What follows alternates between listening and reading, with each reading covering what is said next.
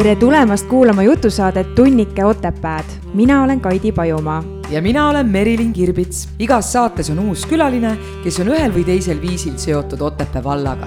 saate toob teieni Otepää Kultuurikeskused, saadet toetab Otepää vald. head kuulamist tere taas, on detsembri kolmas nädal ja käes on jälle tunnike Otepääd ja mul on teile kusjuures üllatus, head kuulajad. ma ei istu siin küll Merilin Kirbitsaga koos, vaid hoopis Margit Taliga. tšau, Margit. tšau ma kujutasin oma peas hästi suurt trummi, trummipõrinat, aga mm. ei olnud midagi. no me võime müntile pärast öelda, paneb siia trummipõrina taha. ja tervitused ka minu trummarile, mul on äärmiselt hea meel mul, ma ei saa öelda, et ma nagu täiesti siin ilma hirmuta oleksin, eks ju, sellepärast et Merilin Kirbitsa, no kingadesse astuda, kuigi meil on sama jalanumber. aga ikkagi, see on ikka päris suur ettevõtmine, aga. usu mind, Margit, ma tean väga hästi, mina püüdsin aasta aega tema kingades püsida, need jäid nii suureks, et ma astusin neist välja ma ei tea, mis, aga igal juhul tervitused Merilinile ka, ma olen ja. väga ääretult tänulik ja väga õnnelik, et ma saan olla siin, vestelda nii sinuga kui meie saatekülalisega mm, -hmm. sest ikkagi ju Otepää minu kodu ja minu inimesed, kui võib öelda nii isegi, suurelt. see on nii kihvt, ma tean, ma tean, see värin on hästi tuttav, mida ma praegu äh, sinus näen, et ma mäletan, kui Merilinega meie tegime esimest saadet, siis see oli ka päris päris niisugune huvitav tunne, aga eh, head kuulajad, kui te kuulate meid läbi Facebooki vahenduse, minnes Spotify platvormile, siis eh, saate oma sõpradele ja tuttavatele edasi öelda, et meie, me oleme kuulatavad ka Ruut FM-is iga kuu esimesel ja kolmandal neljapäeval kell kaksteist null null sagedusel üheksakümmend kuus koma kuus megahertsi ja laupäeviti kell üheksa null null. ja loomulikult kordusrubriigist ja Spotify'st on siis võimalik meid kuulata täpselt sellisel ajal, kui sulle endale sobib. aga nagu Margit ennem ütles, ei ole me siin sugugi kahekesi, sest meile meeldivad inimesed, meile meeldivad külalised ja ka tänasest saatest külaline ei puudu. meie tänane külaline kirjeldab end nii. olen ema, vanaema, vanavanaema, kes tegutseb hea meelega nii riigikaitses kui ka kultuuririndel. naiskodukaitses on kasuks tulnud kinda soki kudumise oskus ja tervisele mõjub hästi liikumine rahvatantsurühmas. tere tulemast saatesse, Mari Mõttus! Tere tulemast kõigile nii tore yeah!! nii tore, et sa siia tulid ja meie jaoks selle aja leidsid.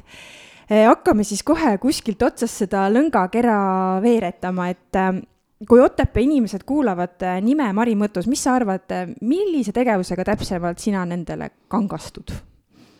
kuidas kellelegi, mõnele rahvatantsu läbi, mõnele soki kudumise läbi, aga paljud teavad mind ka kui naiskodukaitsjat just, sest sa oled ju, kui ma nüüd ütlen mm. õigesti, siis Naiskodukaitse Valga ringkonna Otepää jaoskonna tegevliige. jaa, tänaseks juba tegevliige kuidas sa selleni üldse jõudsid, et sa astusid Naiskodukaitsesse?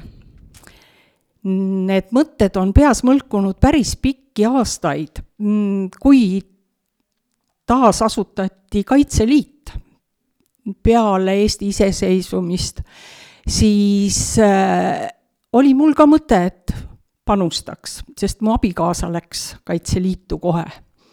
aga paraku, kuna ma ise ei sõida autoga, juhilubasid ei ole, siis äh, Otepääl ka naiskodukaitsjaid ei olnud ja Valka sõita tundus väga keeruline. No ju siis ei olnud minu aeg veel ja kaks tuhat kümme tuli ühel äh, suveõhtul koju mul abikaasa ja ütleb, et tead sa, Otepääl tehakse naiskodukaitset. keskväljakul oli telk püsti, rahvas ümber, melu käis, kuidas sind seal ei ole? No aga ega mind, mulle polnudki vaja öelda, et ma pean minema telki ja mingisugust propagandat kuulama, ma teadsin, kuhu ma lähen. ja saingi teada, et üheksateist september kaks tuhat kümme on Otepääl naiskodukaitsejaoskonna taasasutamine. mõeldud-tehtud, riided selga ja kultuurimajja üritusele vannet lugema. ja nii minust naiskodukaitsja saigi ma küsin vahepeal, mis riided, kas sul olid juba olemas siis, sest ma lihtsalt vahemärkusena ütlen, kui mina mõtlesin enne siis stuudiosse tulles, mõtlesin sinu peale, armas Mari, siis eh, mina just kuidagi sa tulid mulle meelde just selle naiskodukaitse selles rõivis, eks ju. et kui sa läksid nüüd kultuurimajja sinna peole, kas sul olid juba need riided olemas? Need koduka-, naiskodukaitseriided või, või mis sa selle all silmas pidasid? vot naiskodukaitse vormini oli siis veel tükk maad et äh, tegelikult äh, ennem tuleb naiskodukaitsel, äh, uuel naiskodukaitsjal mõned kohustused täita. väga põnev, nii. ja need on väljaõppemoodulid, meie nimetame neid niimoodi. tollel ajal oli neli väljaõppemoodulit ja selleks, et vormi saada, peavad kõik naiskodukaitsjad need moodulid läbima see tähendab seda, et äh, sa saadki ülevaate, millega see organisatsioon üldse tegeleb, äh, kellega on tegemist.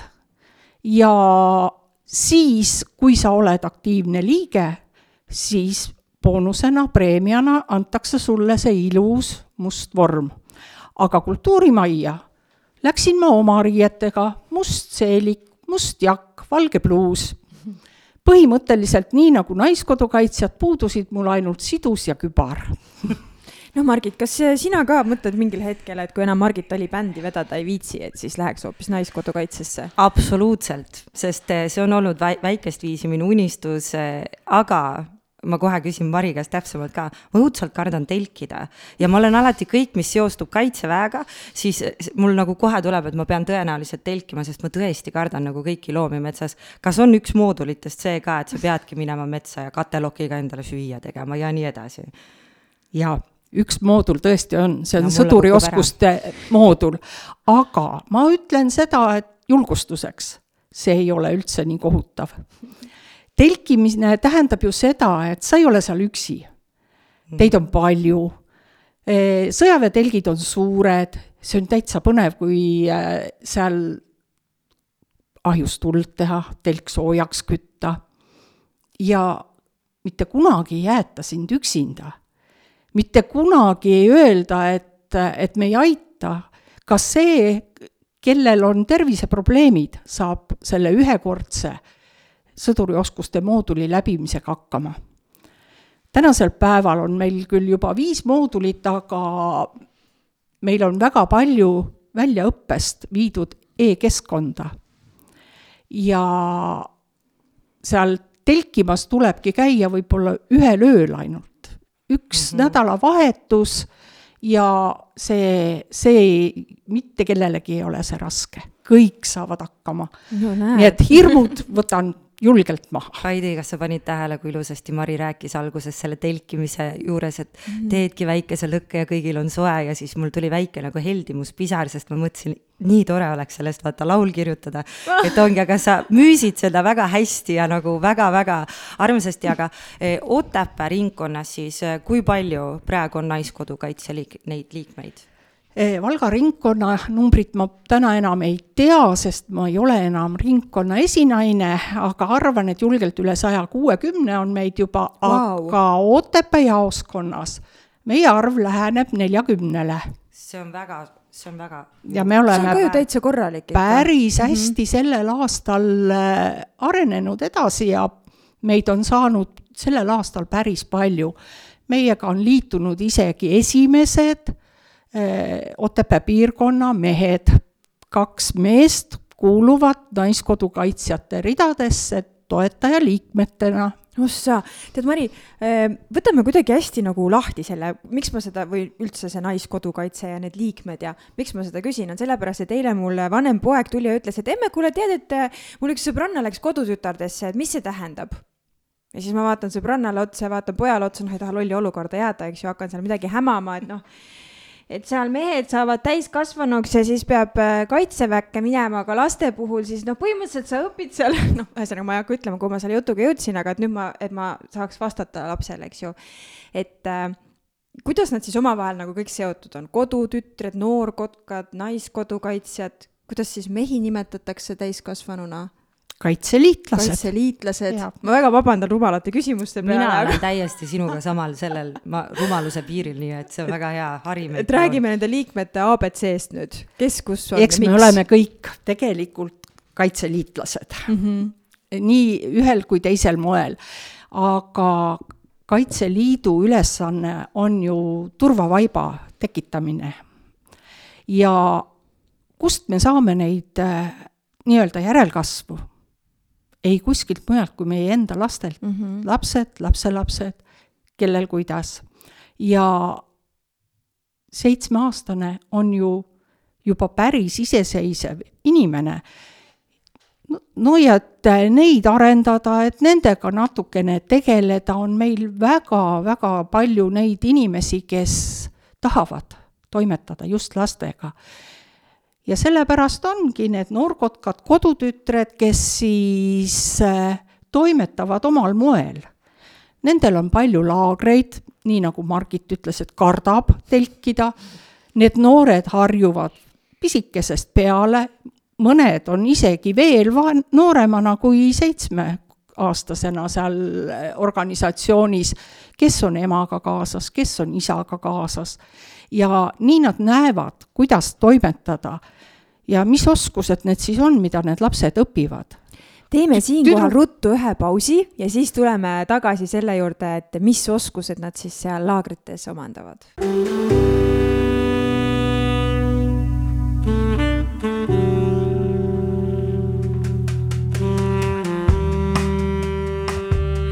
nii, Margit. Tere tšau. tulemast tagasi, tšau, ma olen ikka veel siin, ei hirmunud ära peale esimest kümmet minutit, mul on nii mõnus, ma olen siin, jah, ma olen kuskil selline vibe on, mis eestikeelne sõna on? energia äkki või? olgu. vibratsioon ütleme nii mulle, mul on nii mõnus siin olla, ma ei tahagi minna, nii et Merilin, ma ei tea, mis sa edaspidi hakkad tegema. Hakkab Margit Meriliniga kordamööda vahetama siin seda saatejuhi rolli. Või siis teete teinekord kohe ko, öö, omavahel ja siis saan mina puhata näiteks. ei, ma näen, et sul on nii palju energiat, et puhkust veel ei ole vaja, oota natuke. igal juhul oleme meie Tunnike Otepääd saatega eetris, meil on äh, külas Mari Mõttus ja me just äh, jõudsime oma teemaga enne pausi selleni, et äh, mida täpsemalt noorkotkad ja kodutütred selles organisatsioonis õpivad. Kui päris lühidalt öelda, siis nad õpivad eluga toimetulemist, eluga hakkama saamist ja need oskused on alates igasugustest sõlmedest, tule tegemisest, nad õpivad seda, kuidas metsas ellu jääda, kuidas vett puhastada, et see kõlbaks juua, kõike seda, mida ütleme nii, et praegu võib-olla Ukrainas nendel inimestel vaja on mm. -hmm. Tulla toime oma esmaste vajaduste rahuldamisega. ja kui, kui päris äh, jah, konkreetselt neid asju lahata, siis, siis sellest võiks rääkida mitmeid tunde. aga need, kellel tekib huvi selle, kellel on kodus tüdrukud kodutütarde organisatsiooni vastu, kellel poisid noorkotkaste organisatsiooni vastu, siis see informatsioon on kergesti leitav internetist.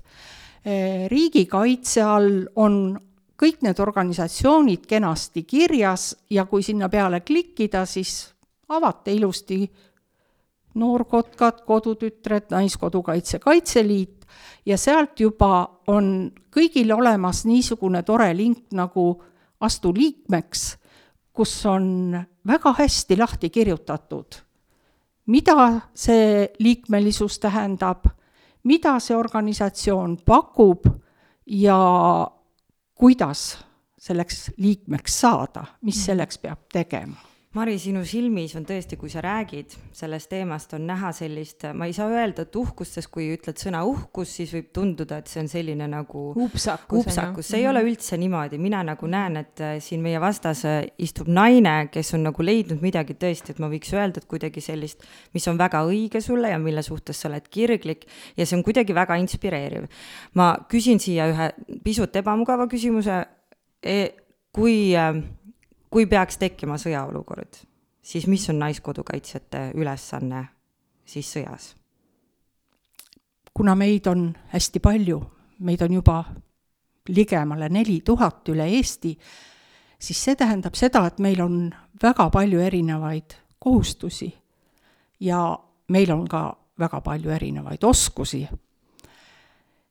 mina võib-olla oma ea tõttu enam rindele ei lähe, aga ma saan aidata oma naabrimemme, naabritaati, saan aidata seda noort peret, kes mul kõrval elab ja anda talle nõu, mida teha, kuidas toime tulla ja see ongi kõikide meie naiskodukaitsjate kohustus. me muidugi, me läheme ka tagalasse, me tagame toitlustamise meie sõjameestele, kui vaja, me pakume meditsiinilist abi, kui meil on vaja. meie hulgas on palju neid naisi, kes tahavad, tõesti tahavad minna relvaga ja ka rindele. ka mina läbisin just siin paar nädalat tagasi eh, relvaõppe uuesti. Täitsa vahva oli. see oli üks lõpmata tore päev jälle tõesti või? minul just üks sõber ütleb, temal on ka relvaluba ja tahab mind kogu aeg sinna lasketiiru viia, mina muudkui nagu puiklen vastu ja siis käisime jahipaunas ja seal oli nagu terve suur sein oli lihtsalt relvi nagu täis ja see lett ka, klaasialune oli relvi täis ma noh, ma tundsin, kuidas ma nagu mind nagu halvas see, see kuidagi see mõte relvadest või et nad on nii kättesaadavad ja kui palju kahju nad tegelikult teevad, ühesõnaga noh, ma jäin väga vaikseks seal leti ääres, mõtlesin, las ta vaatab ära, mis ta vaatab. ja siis ta hiljem nagu küsis ka, et, et kuule, et sa nagu kuidagi imelikuks tõmbas, ma ütlesin jah, et mind kohutab nagu see idee, mind kohutab nagu see idee, et ma olen inimesega äh, poes ja ja, ja see, see sära, mis tema silmis nagu läheb äh, põlema siis, kui ta näeb relvasid, eks ju, ja siis nüüd mul istub Mari siin üle laua, kes ütleb sama asja, et ääretult vahva päev oli nagu, mis naudingut sa sellest saad, et kas sa, kas sa tunned, et see annab sulle turvatunnet juurde või julgust juurde või, või see kuidagi selline mehelik energia paiskub välja, kui sa seda relva hoiad seal või mi, miks see vahva su jaoks on? vastupidi, mehelikkusest on minu jaoks asi kaugel. sellesama relvaga ma kindlasti rindele ei lähe mm.. aga kui vaja, siis ma võtan selle relva kätte ja kaitsen oma kodu mm. -hmm. aga seda tõesti ainult siis, kui ma näen, et äh, ei ole teisi kaitsjaid mm -hmm. ja seda on vaja teha. ma tean, et see oskus on mul olemas, seda relva käsitseda mm, -hmm. sellega toime tulla, aga ei ole minu esimene valik. minu esimene valik on siiski evakuatsioonirühm mm, -hmm. kuhu ma kuulun ja seal on juba meil niisugused kohustused, millest ma ka enne rääkisin, et aidata oma lähedasi, oma naabreid, abi vajavaid inimesi, et neid toimetada ära siis ohuolukorrast. Aga see ei pea alati sõda olema see võib olla ka mis iganes muu. kas või kui te meenutate Võru viimast tormijärgset ööd, kui oli mhm. elekter maas ja päris pikalt, ei olnud voolu inimestel, majad olid külmad, et meie õpetamegi siis, kuidas sellega kõigega toime tulla, kuidas tagada, et sa ära ei külmu oma korterisse ja kui sul seal vett ei ole ja kanalisatsioon ei tööta, mis sa siis tegema pead ja kuidas seda asja lahendada mm. -hmm imetlusväärne mm, -hmm. et on selline, no kogukond ei ole hea sõna öelda, sest et see on ikkagi kuidagi suuremalt määratletud, aga, aga väga jah, imetlusväärne, et, et äh, mida te teete, minule isiklikult, no ma jah, tekkis täitsa teine arusaam sellest ja ma sain aru siis jah, et informatsiooni selle kohta leiab päris kergesti ja et äh, tõesti praeguses olukorras, kus on palju asju toimumas maailmas ja kui tahate teistele head teha ja näha, kuidas ennast kaitsta ja teisi, siis on ju see super. aga Otepää, Mari, kuidas see juhtus kaua sa siin elanud oled ja kes su abikaasa on ei, kaua sa elanud oled Otepääl? Otepääle tulin ma tegelikult ju juba tuhande üheksasaja seitsmekümne teisel aastal. see on päris, päris pikk aeg tagasi, viiskümmend aastat. esialgu küll ainult õppima, Otepääl toimetas sel ajal ETKVL-i raames selline tore kursus nagu kondiitrite kursus, kondiitrikool Pole kunagi kuulnud sellest varem. no vot Va, noored inimesed ei tea sellest midagi, aga see kondiitrikool oli väga viljakas selles mõttes, et igast lennust jäi üks, kaks, kolm tüdrukut, aga meie lennust võttis Otepäält endale mehe no kolm on praegu, elab Otepääl, neli, neli naist ja üks kondiitrist tütarlaps võttis meie rühma ainukese poisi nii et äh, jah, igast lennust ikkagi on jäänud Otepääle neid ja nii tulin minagi omal ajal, et noore tüdrukuna kohtusin siin oma tänase abikaasaga ja nii me oleme siis tänase päevani toimetanud. palju aastaid sa siis nüüd oma abikaasaga koos oled olnud? sisuliselt ongi juba viiskümmend aastat, kuigi mitte abielus. abielus on nelikümmend kaheksa aastat, aga me olime jah viiskümmend aastat olla oi. ühe inimesega, oi Margit, meil on väga palju õppida. äkki sa jagad siin eh, noortele näitsikutele mõned eh, mõtteterad, et mis siis on ühe pika õnneliku kooselu võluvits? see on päris, päris raske küsimus mm. -hmm. tegelikult, eh, mis see võluvits võib olla? see on see, et arvestamine teise inimesega. mõnikord tuleb ka enda ego alla suruda mm. -hmm. Tuleb teha järeleandmisi ja ei tohi neid äh, paika ja põhja panevaid otsuseid teha ülepeakaela. järgi tuleb mõelda. et igas abielus on omad raskused, omad äh, äh, probleemid aga kõik on lahendatav, kõik on räägitav, arutada omavahel ja kui on mingid ühised pidepunktid, nagu meil on lapsed, siis juba see on üks suur, suur boonus sealjuures. Ja mul ei lähe kunagi oma noorema tütre sõnad meelest ära, kui ta mulle ütles, et emme teie ei tohi issiga mitte kunagi lahku minna, siis ma saan väga kurjaks aga suhtes on ikka selliseid olukordi, olles ise olnud äh, ka pikalt äh, kooselus ja ka abielus, enam muidugi mitte, aga kui on nagu selliseid olukordi, et ma armastan sind küll, aga ega sa ei meeldi mulle väga enam või sellisel hetkel, et kuidas sa, ma usun, et sinu elus on ka selliseid olukordi ju olnud, et kuidas sellest olukorrast siis nagu välja tulla? mis see sinu, minu, sinu meetod on? kui ma päris ausalt ütlen, siis äh, mul vast selliseid mõtteid ei olegi päris ei ole olnud. Vau, siis sul on vedanud sest et äh, minu abikaasa on olnud mulle alati toeks ja ma ei oleks võib-olla temaga kunagi mhm. abiellunud, kui ma ei oleks tundnud tema poolt ääretut toetust mm -hmm. ja hoolivust.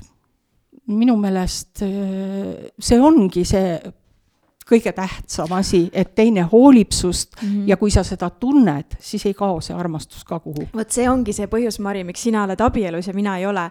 et äh, ma olen küsinud seda küsimust varem ka, et kuna ma teen seda tunnike Otepääd, tegelikult noh, ongi Otepääl on juba teine hooaeg, Nõos sai ka seda pikalt tehtud ja ma alati leidsin selle võimaluse nendelt inimestelt, kes oli, kes oligi saates ja ka ikkagi aastakümneid koos olnud, et mis on see võluvits, et mulle kuidagi nagu mulle meeldib nagu avastada, mis inimesed sellel puhul välja toovad. ja see on nagu nii huvitav, et, et need, kes on jäänud kokku, need ei olegi kogenud seda tunnet, et ma armastan küll sind, aga noh, inglise keeles on selline väljend, et I love you, but I am not in love with you, eks ju mm. -hmm. et ongi, et ma, et, et ma armastan sind, aga sa, ma ei ole sinusse armunud või et noh, sa, sa, sa, sa nagu väga ei meeldi mulle. et need inimesed, kes on pikalt koos olnud, on alati olnud see, et mulle päriselt meeldib mu abikaasa et ta küll võib-olla ajab mind närvi ülepeaviti, aga, aga ta päriselt meeldib mulle inimesena, ta hoolib minust, ma tunnen, et ta hoiab mind, ta väärtustab mind naisena, ma märkan, et ma olen ta jaoks oluline. Ja tegelikult ega meil midagi muud ju väga vaja polegi, on ju. ja, ja mina võin uhkusega öelda seda, et minu abikaasa eh, töötab teedevalitsuses vana nimega, nüüd on eh, Valga teed vahepeal olnud ja Eesti teed, mis iganes no ühesõnaga teetööde peal. ja igal kevadel on ta leidnud võimaluse tuua mulle metsa alt sinililli. ja kui sa saad selle pisikese sinilille kimbu, siis juba see on südantsoojendav. muidugi mm. -hmm. absoluutselt, see ongi see, see on see päris hoolimine, et äh, et meil ei ole, noh, muidugi, kui meil on piimajõed ja pudrumäed ja noh, nii-öelda rohkelt raha ja värki, see, see teeb olu, see teeb oluliselt elu, elu, elu elamise lihtsamaks. aga kui ma päeva lõpuks nagu ei tunne seda, et see inimene, kes mu kõrval on, et ta päriselt hoolib minust, et, et tal on meeles minu jaoks võib-olla mingisugused olulised sündmused või, või mingi koosolek näiteks, mille pärast ma kohutavalt põdesin või, või noh, mis iganes muu asi, mis minu elus on oluline, et kui talle need detailid ei ole tema jaoks olulised, siis ega see suhe ju kaua ei püsi muidugi, Mari, jälle nii palju imetlust, see on ikka tore. aga kuida-, kuskohast sa tulid Otepääle siia siis sellesse kondiitrikooli, kus sinu sünnikodu on? no ringiga olen käinud. Et sündisin küll Suure-Jaanis, aga oma teadlikku elu olen elanud Türi linnas, Kesk-Eestis. Olgu nii, et ei olnud Ose... nagu võib-olla nii drastiline vahe Türilt Otepääle, ma mõtlen ikkagi ju väikelinna tulek või kas oli oli drastiline vahe küll eh, Türi linn on olnud ju aedlinn, ta on ka täna seda, aga kui ma tulin Otepääle, siis halb seda öelda, aga tegelikult Otepää kui see väike linn mulle üldse ei meeldinud. Türi oli hästi korrastatud, palju lilli, aiad inimestel väga ilusad Otepääl seda oli vähe. aga mis mind siin võlus, oli see loodus. ja oma koolitööd näiteks käisin koos sõbrannaga õppimas Tehvandi hüppetornis, sest sealt oli kaugele ilus vaade, siis kui treeninguid ei olnud, ronisime aga sinna üles võtsime päikest ja õppisime. ja see kõik paelus. ja kuna ma tutvusin siis ka suvel oma tänase abikaasaga, no siis olid juba sügisel peaaegu otsused tehtud no ikka inspireeriv on muidugi see loodus ja kui armastus ka otsa tuleb veel, siis on ikka täiesti fantastiline koht. ma lugesin ühte artiklit, mille Kadri Steinbach kirjutas, kes on ka Otepäält pärit ja ta oli väga kuidagi tabavalt kirjutas ja pealkiri oli sellel artiklil, kas on see linn või on maa. ehk siis siin on nagu mitmed asjad on äh, kuidagi nagu mõnes mõttes tasakaalust väljas, aga samas nii tasakaalus ja tema tõi ka väga suure positiivse noodina sinna sisse, et on see loodus siin kus te praegu elate, kas te elate linnas või linnast väljas? ma elan linnas, aga samas maal. vot, hästi öeldud. elan tööstuspiirkonna ligidal mm. -hmm. Otepää ainuke tööstuspiirkond, Hundisoo ja meie majakene on ka Hundisoo peal, nii et see jääb linna piiridesse, aga meil on palju seal toimetamist mm. -hmm. me oleme päris sügavuti läinud selle riigikaitse teemaga, aga sinu kirjelduses oli ka see, et sa tegutsed kultuuririndel.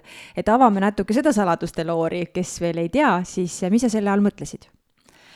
nojah, kui ma Otepääle tulin seitsmekümne teisel aastal, ma olin harjunud toimetama väljaspool kodu ka mõnede, käisin trennis ja mida iganes ja õhtud olid igavad minu jaoks.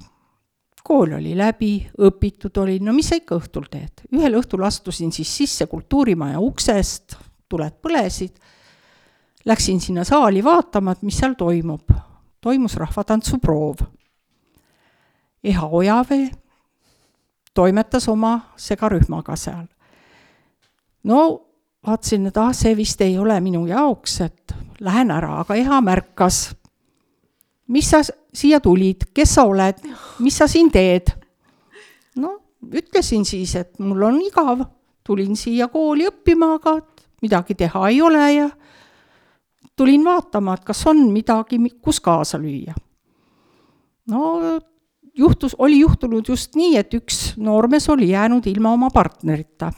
partner oli ära kolinud Otepäält ja temale tüdrukut ei olnud no vot, näe, universum leiab ikka viisi, kuidas Just. nagu inimesed leiavad ja nii, nii siis oligi paar, paar õhtut ja eraproovi ja tantsud olid selged, sest mul oli sportvõimleja taust all. ei olnud raske neid asju üle võtta, nii et. sportvõimlemine, kus see?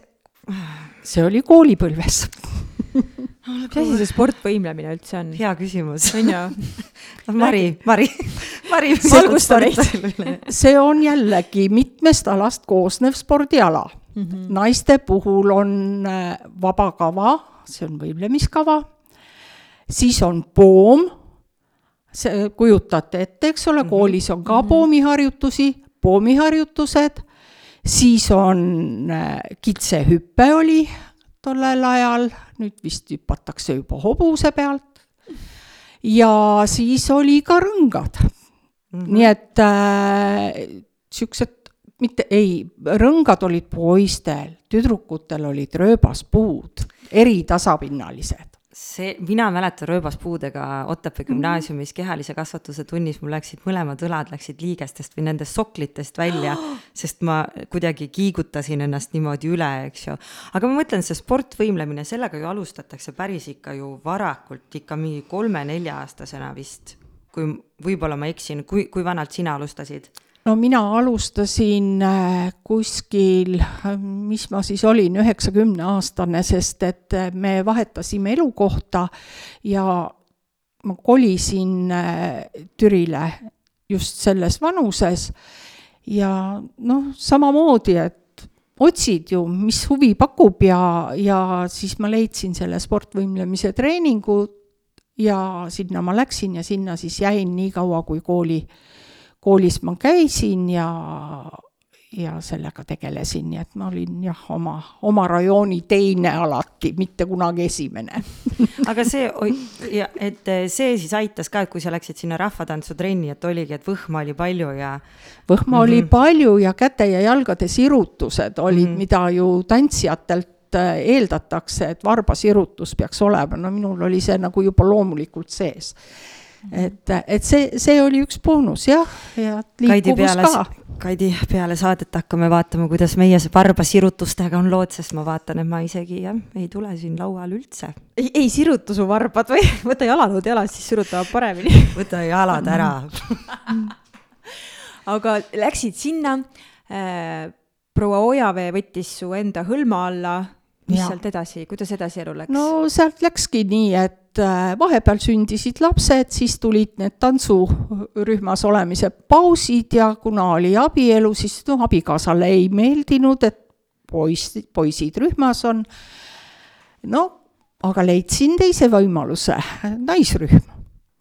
ja nii kaheksakümnendal aastal siis äh, sai liitutud Otepää side naisrühmaga sest sinna oli just moodustatud eelmisel aastal võimlemisrühm ja siis, äh, millest kujunes siis tantsurühm. Ja sinna oli tüdrukuid vaja ja kuna mul oli juba tantsutaust all, siis jälle Eha Ojavee oli see, kes meid siis nagu liitis selle rühmaga ja need olid väga ilusad aastad seal side, siderühmas. see siderühm, kas oli, kas proovid toimusid, vahemärkusena, kas proovid olid kultuurimajas või siis sidemajas, seal keldris oli mingi peoruum? algul olid meie proovid ikkagi kultuurimajas, aga siis, kui see uus sidemaja valmis sai, siis meid lubati sidesaali wow.. mitte keldrisse, vaid saali, nii et seal olid siis meie iganädalased proovid. Palju lapsi, lapselapsi ja isegi lapselapselapsi, eks ju, sa oled vana-vanaema ka? jah ja.. mul on kaks tütart. kummalgi on kaks last. ühel tütrel pojad, teisel tütred ja kõige vanemal lapselapsel, siis temal sündis möödunud aasta märtsis väike poja nii et varsti-varsti, märtsikuul saab ta juba kaheaastaseks järgmisel aastal. nii et sealt siis jah, et ma olen juba täitsa rikas kui palju sa panustad oma laste ja lastelaste ellu? no häbi öelda, aga ma pean jah tõdema, et ma olen olnud ronga vanaema kui mõnel on äh, jah, ronga emad, aga noh, nii hull see asi nüüd muidugi ei ole, aga, aga kuna kodust on ei, lastele antud kaasa see, et äh, eluga tuleb püüda ise toime tulla. loomulikult, kui on häda suur, siis tuleb ka abi paluda ja abi, abi küsida, aga minu lapsed on olnud väga iseseisvad ja ma olen pakkunud abi ja lapselapsi olen ma ka väga vähe muidugi, aga olen hoidnud. jah, aga nüüd on olukord selline, et kõik tulevad ise toime ja vana-vana-vanaemale näidatakse seda pisikest tõesti vähe, sest noh, olgem ausad, igal perel on oma elu ja omad käimised, aga ega ma ise ka ei ole ju nende poole käinud ja mis on tinginud ju selles, tingitud sellest, et tegelikult on meil olnud ju pikalt koroona mm. -hmm. ja viia nüüd neid pisikuid ühest perest teise ei ole mõistlik mm. -hmm. kaugel te elate üksteisele, näiteks oma tütardega? Üks tütar on mul päris ligidal mm, -hmm. no Otepäält no kuus-seitse kilomeetrit, peab hobutalli mm. -hmm. nii et kõik, kes Oo, soovivad, saavad Dobra hobused. tõesti? oi kui lahe. sinna saab ratsutama minna. unistuste koht on see. päriselt mm -hmm. nagu unistuste koht, et sa oled seal käinud ja sulle hullult meeldis või sa nagu mõtled, et tahaks minna? see oli lihtsalt nii jabur lause minu poolt vaata, aga mulle õudselt meeldivad hobused ja ma olen ühe korra käinud ka seal.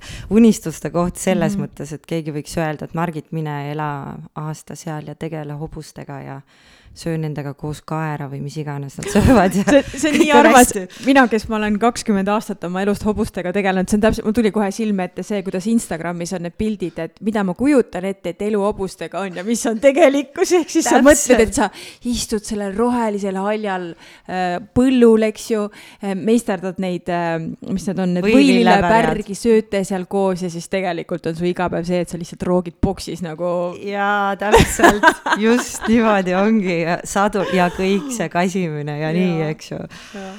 oi, see on väga tore, aga teine tütar? teine tütar elab kaugel Tallinna külje all mm., nii et äh, jah, aga tema käib ka nii sageli kui vähegi võimalik äh, kodus ja koos, koos oma noorema pojaga, kes on tänaseks ka täiskasvanud ja oma nii-öelda oma eluteed alustamas, et kõrgkool läbitud et vanem tütar on jah, natukene, natukene palju Eestist ka ära olnud, et sellepärast see, temaga nagu sidemed on olnud läbi telefoni ja läbi arvuti mm. -hmm. kõik, mida sa rääkisid, see on äh, väga aus ja jällegi, et paljud inimesed ei julge tunnistada, aga tegelikult kindlasti on palju, paljudes perekond, noh, kõik perekonnad on er, erinevad, igaüks leiab enda selle balansi, aga mulle tundub, et kas on see ka, et sa ei ole nagu valmis veel nagu peatuma või seisma jääma, et sinus on nagu kuidagi sellist, kiirgab välja sellist teotahet. et seetõttu võib-olla ka, et sa ei istu ju tõenäoliselt, ma loodan, jõuame varsti sinna kätte, ei istu ju ainult kodus, et sul on nii palju asju, millega sa ise, tegeled. et sinu elu on veel noh, et mm. sa ei ole nagu selleks veel valmis, et lihtsalt istuda kodus ja, ja tegeleda ja. ja olen pensionär küll, jah ja võiks istuda kodus, aga noh, tõesti ei püsi. aga vot küsimegi, et millega sina mm. oma päevi mööda saadad, mis sa teed igapäevaselt? ma teen kodus ka raamatupidamise tööd mm.. see võtab oma aja. iga teisipäeval käin ma memmede rühmas tantsimas täna. see on nüüd Nõunis, jah? see on Nõunis e,. siis kolmapäeviti on mul kudumine, kudumise ring neljapäev-reede on siis enda päralt, millega siis vaja on, kodus tuleb ka millegagi tegeleda. ja laupäeviti, pühapäeviti üsna tihti Naiskodukaitse koolitused või, või mingid sündmused, millest ei saa ka ilma jääda. no vot, ja nädal niimoodi lähebki tegelikult ja. ju mm. -hmm. kiire on kogu aeg aega on ikka vähe ja peab paika, et ega ma ei kavatse veel koju istuma jääda. no mida sulle kõige rohkem endale meeldib teha, mida sa kõige suurema elevusega ootad? ilmselt ma olengi seda tüüpi inimene, kes väga ühele asjale keskenduda ei taha mm. -hmm. et väga meeldib mulle Naiskodukaitse tegevus ja mulle meeldib see organisatsioon just sellepärast, et me pakume tegevust kõikidele vanusegruppidele ei ole vahet, nii nagu kodutütred, noorkotkad, väikesed lapsed alustavad sealt, aga Naiskodukaitsega naised saavad liituda alates kaheksateistkümnendast eluaastast, aga ülemist piiri ei ole. ma võin sajaaastasena seal toimetada, kui ma jaksan ja kui ma leian selle tee, millesse ma panustada tahan. et kui ma ei jõua enam suppi keeta ja sõdureid toitlustada või teisi kaitseliitlasi toitlustada, siis ma leian järgmise etapi. alles äh, siin veidi aega tagasi käisin äh, Vormsi saarel õppimas mentoriks. oh sa, teeme siinkohal ühe väikse pausi, tuleme tagasi ja kuulame kohe, mida või keda sa mentordama hakkasid.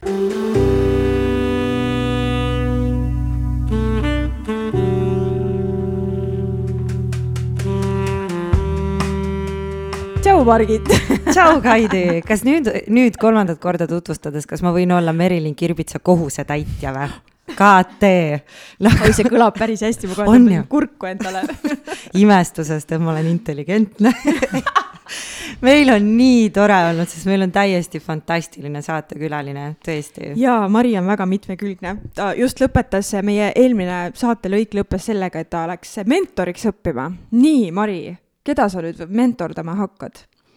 no meil on ju väga palju uusi liitujaid Naiskodukaitsega ja tihtipeale need inimesed, kes meiega liituvad, nad ei tea, mis kohustused neid ees ootavad, kuhu nad pöörduma peaksid, kui nad tahavad midagi küsida ja siis ongi see inimene, kes on natukene kogenum juba selle organisatsiooni suhtes, siis tema ongi see, kelle käest saab küsida ja me saame neid teemasid siis omavahel arutada.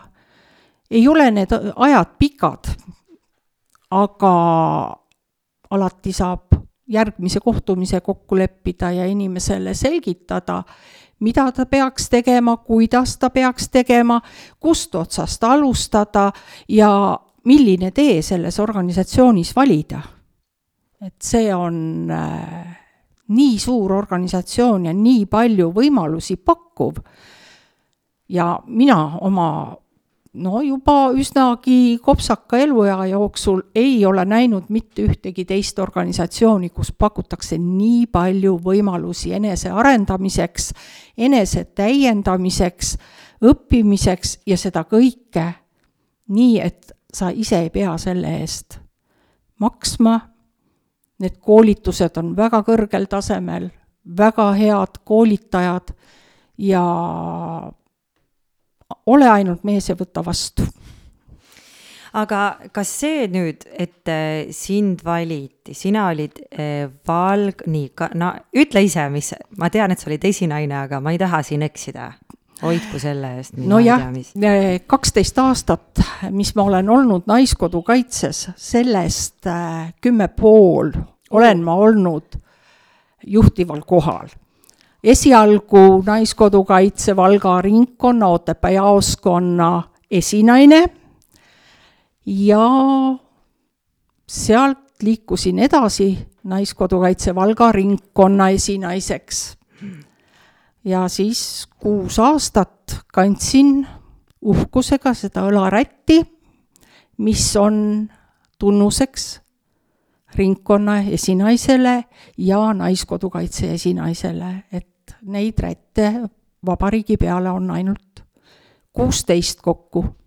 sest kuus, viisteist ringkonda ja Naiskodukaitse esinaine wow.. et see ja. oli ääretult huvitav ja põnev aeg. aga mis sa selle aja jooksul, mis on sellised kõige eredamad hetked, kus sa tundsid, et oh, et nüüd ma omandasin mingi uue oskuse või, või nüüd ma tundsin, kuidas ma arenesin e,? tegelikult mis on selle perioodi jooksul kõige, kõige eredamalt ja kõige selgemalt nagu meeles on see, et kui ühtne see organisatsioon on ja kui suur ja tugev õlatunne on, ei ole probleemi, millele sa vastust ei leia teistelt esinaistelt. ja noh, ma ise ju ka õppisin sellel ajal instruktoriks täna võin ma koolitada kahel moodulil meie uusi naiskodukaitsjaid. nii et äh, lisaks sellele, et ma nüüd ka mentor olen, võin ma ka aidata valida seda õiget teed, mida astuda selles organisatsioonis, nii et kõik need asjad on väga eredalt meeles. kõik, mis olid kohustused ja natukene võib-olla rasked, need on kõik kadunud, meelest läinud. aga kuidas see, kas sind valiti, kas sa kandideerisid nüüd, jah? jah, tegelikult äh, meie organisatsioonis ongi nii, et aastas äh, üks kord peetakse reeglina üldkoosolekut ja kui on eelmisel esinaisel nii-öelda see ametisoleku aeg täitunud, mis on kolm aastat, siis kas ta kandideerib edasi, aga tema kõrvale võivad kandideerida ka kõik teised, kes seda soovivad. Minul muidugi endal päris sellist soovi ei olnud selle ringkonna esinaise ametisse asumiseks, aga see surve tuli siit Otepää jaoskonna poolt, nad äh, väga soovitasid ja tungivalt palusid, et, et ma ikkagi kandideeriks, no ja läksingi selle teadmisega siis, et okei okay,, kui te arvate, et ma saan hakkama, proovin. ja meid oli päris mitu kandidaati ja minu üllatus oli suur, et ma osutusin valituks ja, ja nii ma siis, siis seda tööd tegin. Kui sa mõtled praegu oma elule tagasi, kas on, kas on midagi, mida sa näiteks tahad ka jagada, mida sa võib-olla oleksid teinud teisiti, kui sa oleksid omanud neid teadmisi, mis sul on praegu? ma oleks palju varem Naiskodukaitsega liitunud. Kuulake kõik teie täpselt kodudes ja teha seda kohe ära. ma tahtsingi, Kaidi, küsida, kas sind ei ole kuidagi motiveerinud, inspireerinud praegu, kas sul ei ole mõtted hakanud sinnapoole liikuma, et see kodukaitse teema ja see naiskodukaitse teema võiks olla midagi sinule? ma vist olen hetkel oma eluga sellises perioodis, kus, kus ma tunnen, et mul ei oleks nagu selle jaoks piisavalt aega ja kuna mulle ei meeldi teha midagi nii-öelda poolikult, siis, siis ma pigem ei lähegi nagu tegema, et võib-olla kui ma nagu päris lõpuni aus olen, et äkki ma ei ole ka päris nii tugevalt nagu patrioot, ma kardan äkki võib ka asi, ma ei tea, kas asi võib selles olla või? et sul peab nagu hästi-hästi tugevalt olema selline isamaa armastus või, või, või ma ei tea, et mina, ma ei ole kunagi mõelnud mm -hmm. sellele tegelikult, et selle organisatsiooniga liituda. ja mina arvan, et seal ei ole nagu patriootlikkuse puudumine, seal on mm -hmm. mingisugune teine asi. Mari, mis sina arvad? jah, Mari, mis sa arvad? Kui ma niisugune eksiteel olen veel oled eksiteel ma arvan küll, et sa oled eksiteel, sest mm -hmm. tegelikult ja paljud, kes on kõrvalt näinud mm -hmm. naiskodukaitset, omavad äh, niisugust mõtteviisi, et ah, need on need supikeetjad. ei, seda ma ei ole kunagi mõelnud, aga jaa, okay. aga see on mm -hmm. tegevus, mis paistab kõige rohkem silma mm. -hmm. siis, kui me teeme mingeid suuri üritusi, nii nagu maakaitsepäev või mis iganes mm. -hmm. jah, naised keedavad tõesti suppi. arvatakse, et no Kaitseliit, Naiskodukaitse, ju nad siis relvaga metsas müttavad. jah mm, -hmm. müttavad küll, aga mitte kõik meil on ka kultuurigrupid, meil on ka neid inimesi vaja, kes natukene meie eest kultuuri teeksid, kes äh, aitavad meil igasuguseid erinevaid sündmusi korraldada, mõni, mõned päevad tagasi oli meil äh, Kaitseliidu Otepää malevkonna aastapäeva tähistamise pidu. no teeme kõik et eh, seda pidu korraldada oma parema äranägemise järgi, aga küll oleks tore, kui meie seas oleks nii, niisugused inimesed, kes omavad nendest asjadest palju laia, laialdasemat ja põhjalikumat teadmist ja oskavad teha neid üritusi nii, et need oleks meeldejäävad ja, ja toredad kõigile. võib-olla ongi see, et, et see kuidagi see mm, see kuvand sellest organisatsioonist või sellest, millega te päriselt tegelete, mille, mis on selle organisatsiooni igapäev, ei jõua nii palju avalikkuseni või nii paljude inimesteni, et, et, et see oleks selline päris äh, arusaam et mida see organisatsioon siis tegelikult nagu teeb või mille eest ta seisab, eks ju. et kui palju te nagu niimoodi koolides äh, rääkimas käite, et on võimalik liituda selle organisatsiooniga ja mida te teete? koolides me oleme käinud natukene vähe mm. -hmm. käivad noorteorganisatsioonid, kodutütarde noorkotkaste liikmed ja nende juhid sest koolis äh, jah, gümnaasiumi osas oleks juba potentsiaalne meie, meie liikmeskond ka ja mhm. Kaitseliidus ka. Äh, hea näide ongi Otepää gümnaasiumis, kui mm, päris, päris mitmed aastad tagasi, ma isegi täpselt ei oska öelda, võib-olla peaaegu seal seitse-kaheksa aastat tagasi käiski minu abikaasa ja veel paar kaitseliitlast ja selle organisatsiooni tutvustamise läbi liitus Otepää, siis oli ta üksikkompanii, täna malevkond, üks grupp gümnaasiumipoisse. Nad on tänaseni väga tegusad, neid kõnetas tankitõrje, nad läksid tankitõrjerühma ja nad teevad seda tööd tänaseni liitumise tõus on olnud tänu Ukraina sõjale mm.. seda kindlasti, mina usun, et tänane saade te tekitab uuesti huvi selle vastu ja. ja siis, kui on näha ikkagi, et organisatsioon näeb, et on vaja kuskilt poolt hakata uuesti tegema jah, nii-öelda reklaami, et siis seda tehakse ka. tegelikult on asjalood meil nüüd selliselt, et äh, meie saateaeg on äh, läbi saamas kohe-kohe. oleme, oleme jõudnud meie saate viimase küsimuseni, mida me alati meie külalistelt küsime ja see kõlab nii. kas sul on mõni mõttetera või tsitaat, mis on sind saatnud terve su elu või millele sa näiteks mõtled siis, kui ei ole olnud kõige kergem päev? minu mõte on olnud alati see, et äh, ole aus teiste vastu ja jää alati ausaks, kuigi see võib olla vahel ebamugav väga ilus. ilus, Mari. aitäh sulle, Mari, et sa leidsid meie jaoks selle aja siin vahetult enne kiiret jõuluaega või siis teisalt jälle rahulikku aega, kui saab aja maha võtta ja vaadata tagasi möödunud aastale. ja head kuulajad, äh, kui teid huvitab, kes on see salapärane Margit Tali mul siin vastas, siis tegelikult me tegime Meriliniga ka Margitiga eelmisel hooajal saate, nii et otsige üles ja saate teada, kes on see vapustav naine mul siin vastas aitäh, et olite meiega.